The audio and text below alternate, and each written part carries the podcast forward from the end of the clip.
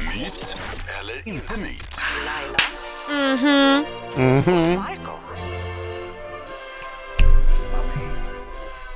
Och Laila, jag tror att du har överseende om jag försöker, eftersom du är o- oslagbar i det här, att jag försöker hjälpa Marco lite grann. och Nej! Peppa honom lite extra Ja, idag. peppa kan du få göra.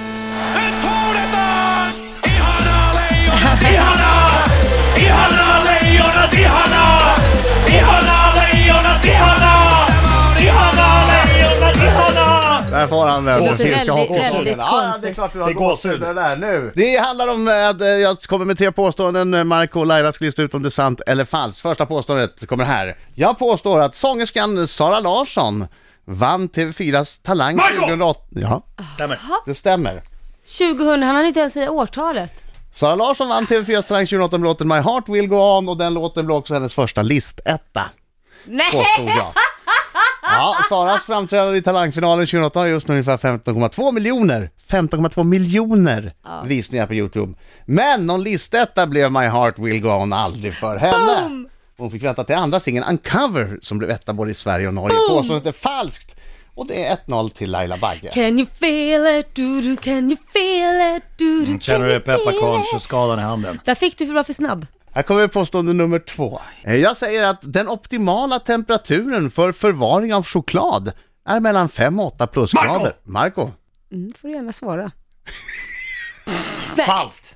Du säger att det är falskt. För Jag tänker att det, det borde, då borde det vara det i affären också. Jag vet att man förvarar ju choklad ofta hemma i kylskåpet men eftersom det är i affärerna, då, då där ska de vara ett tag. Då. Mjölkchoklad håller sig upp till sex månader och mörk choklad ett helt år om den förvaras i en temperatur på mellan 16 och 18 plusgrader. Mm, Yes. Det hade han rätt I där. kylen är risken stor att smaken försämras. Påståendet är falskt. Det står ett... Bra Marco, kom inte tänd till nu! Du är nära! Mm, jag känner segersötma. Kom igen. Okej, här kommer det står ett, ett, så kommer nästa påstående. Bara 1-2% av världens befolkning har gröna ögon. Marco! Marco var snäppet före. Ja, Sant! Du säger att det är sant? Snälla att det är sant nu! Det, Jag tror, behöver det, det skulle jag också sagt så. Gröna ögon förekommer främst hos människor med keltiskt eller germanskt påbrå eh, och till en mindre grad i vissa länder i Sydeuropa. Idag är gröna ögon något som ungefär 1-2% av världens befolkning har. Påståendet är sant! Jag trodde att det Marco var falskt. vinner! Ihana lejonet, ihana! Ihana! Ihana! Kom igen nu, kom igen! Ihana lejonet, ihana!